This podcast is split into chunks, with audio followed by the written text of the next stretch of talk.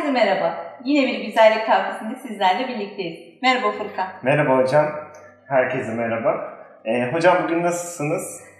Aslında keyifliyim Furkan. Çünkü e, ilk iki bölümden sonra tabii ki takipçilerimizin ve hastalarımızın yorumları, soruları beni motive etti. Daha fazla bu e, sohbetleri gerçekleştirmek adına.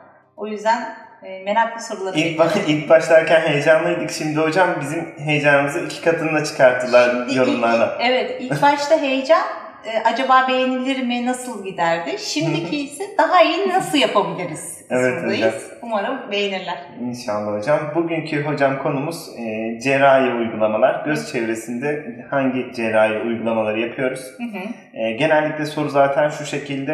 E, görmemi engelleyen bir e, göz kapağı düşüklüğüm var. Hı hı. Bunun hakkında neler yapıyorsunuz? O yüzden üst göz kapağını konuşuyor olacağız hocam.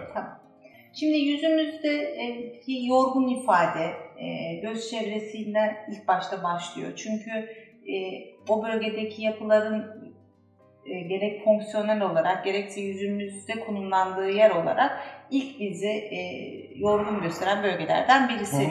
Ama bu bölge üç tane bölgeden aslında oluşuyor alt bölgeden. Birisi üst göz kapağı, diğeri alt göz kapağı ve bunu çevreleyen kaşlar. Kaşlar. Kaşların konumu da çok önemli. Ee, şimdi göz kapağındaki düşüklük de bizim branş olarak fonksiyonel ve estetik olarak iki alt dalda biz bunu değerlendiriyoruz Evet. hastalar geldiğinde. Yani göz kapağını e, çevreleyen kas sisteminde bir zayıflık olduğunda da biz göz kapağını olması gereken noktadan düşük görebiliyoruz. E, böyle bir durumlar genellikle doğumsal olarak olabiliyor, travmaya bağlı olabiliyor, daha sonra fonksiyonel kayıplardan dolayı ve başka metabolik hastalıklardan dolayı biz bunu görebiliyoruz. Bir doğuştan gelen var hocam bir de sonradan oluşan. Bu ayrı. Bu, bu bir kapak rahatsızlığı Hı hı. ve buna pitoz diyoruz. Hı hı. Ve bunun cerrahisinin de yine plastik cerrahi e, ana bilim dalı altında biz bu cerrahi işlemleri yapıyoruz. Hı hı.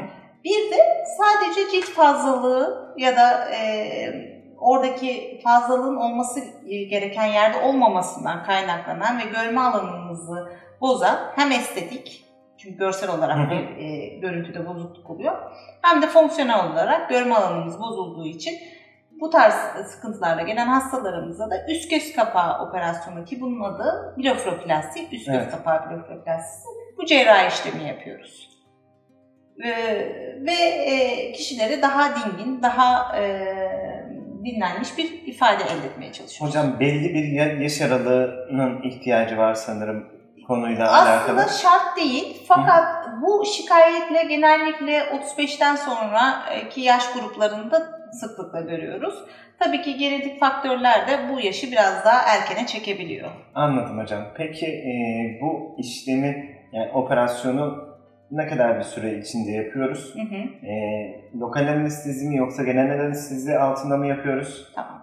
Şimdi e, sıklıkla e, lokal anesteziyi tercih Hı hı. ediyoruz. Çünkü işlem ortalama 45 dakika sürüyor ve işlem sırasında o bölgeyi uyuşturarak e, hastaları konforlu bir şekilde bu cerrahi gerçekleştirebiliyoruz.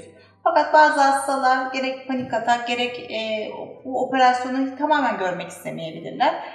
Lokal anesteziye, e, genel anestezinin bir önceki safhası sedasyon dediğimiz hafif uyuklu bir hal alarak da yapabiliriz. Ya da genel anesteziyi de, de yapabiliriz. İşlem bahsettiğim gibi 40-45 dakika sürüyor. İşlemden sonra da e, hastamızı pansumanla 2 saat sonra evine yolluyoruz. Ameliyat öncesinde neler yapmam gerekiyor peki Ameliyat hocam? öncesinde kanamayı tetikleyici e, ilaçlardan kaçınılmaları gerekiyor. E, tabii ki e, başka bir enfeksiyon ya da herhangi bir sıkıntı olmaması gerekiyor. Tahlillerini yapıyoruz. Kronik bir hastalıkları e, ciddi e, operasyonu engelleyecek yoksa e, operasyon için hazır oluyorlar hastalar. Peki ameliyat sonrası hocam dikkat etmem gereken konular? Ameliyat sonrası biz ameliyat sırasında bazı steril bantlar kullanıyoruz ki bunlar Hı. genellikle ten rengiyle uyumlu bantlar oluyor. İşlemden sonra e, buz uygulamasını istiyoruz. Çünkü şişlik, ödem dediğimiz ve morluklar oluşabiliyor. Bunun için bazı medikasyonlar, ilaçlar veriyoruz. E, iki yastıkla genellikle yatmalarını istiyoruz. Sağa sola çok dönmelerini istemiyoruz ve buz uygulamalarını istiyoruz. Bir gün yeter- yeterli oluyor genellikle buz uygulamalar. Saat başı bir 1-2 dakika o bölgeye tutmalarını istiyoruz. İşlemden e, bu işlemleri gerçekleştirdikten sonra ortalama 6 gün içerisinde de yine kliniğimize başvuruyorlar. O bantları çıkarıp çünkü o süreçte gerekli bir pansuman yapmalarına gerek kalmıyor. E, o bölgenin dikişlerini alıp normal hayatlarına dönüyorlar. Zaten işlemden sonra da normal hayatlarından kopmuyorlar hastalar. Anladım hocam. Yani benim ilk işime engel oluyor mu? E, tabii ki görsel olarak bir farklılık oluyor çünkü orada Hı hı. morluklar oluyor ama kapatıcılarla da giderilebilir. E, ama 6 gün sonra daha konforlu bir şekilde, e, görsel olarak konforlu. Çünkü fonksiyonel olarak o kişilerin ne görmesini ne e, normal hareketlerini, aktivitelerini yapmasını engelleyecek bir şey olmuyor. Anladım hocam. En çok sorulan soru da şu hocam. İzler insan. Şimdi e, işlemden sonra biz e, cerrahi bu ana bilim dalı altında e, yaptığımız izlerimizi tabii ki doku bütünlüğünü bozduğumuz için bir iz oluyor. Fakat bu izleri biz uygun olan yerlere gizleyerek daha az görünür hale getirebiliyoruz. Göz kapağı olarak e, şanslı bir bölge çünkü o bölgenin yara iyileşmesi çok iyi. E, hayali bir çizgimiz var üst göz kapağında. O çizgiyi Evet. oturtturarak bu cerrahiyi gerçekleştiriyoruz.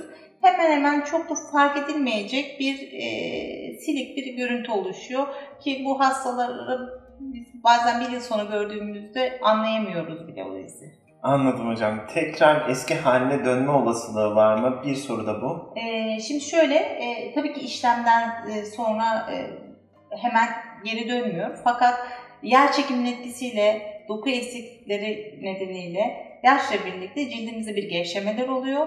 Bu da 10-15 yıl sonra yavaş yavaş başlıyor. Anladım hocam. Peki e, kaştan da bahsettiniz biraz önce. Evet, şimdi burada en önemlisi kaşlar aslında. Çünkü bazen kaşların düşüklüğü sanki üst göz kapağında fazlalık varmış gibi bir görüntü oluşturabiliyor.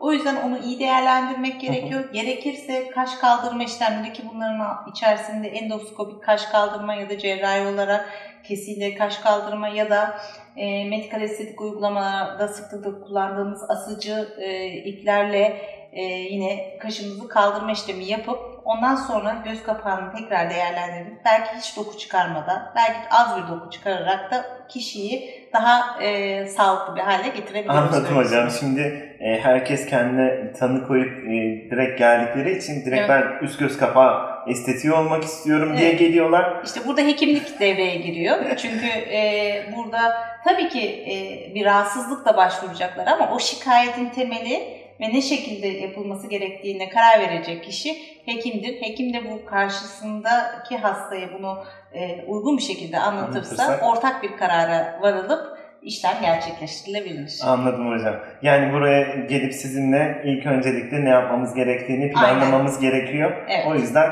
e, direkt ben üst göz kapağı estetiği olacağım diye gelmemeleri aslında burada e, sizinle e, ilk önce bir muayene oluşturmaları gerekiyor. Aynen. aynen. Doğrudur hocam. Hı hı. E, şimdilik benim soracağım sorular bu kadar hocam.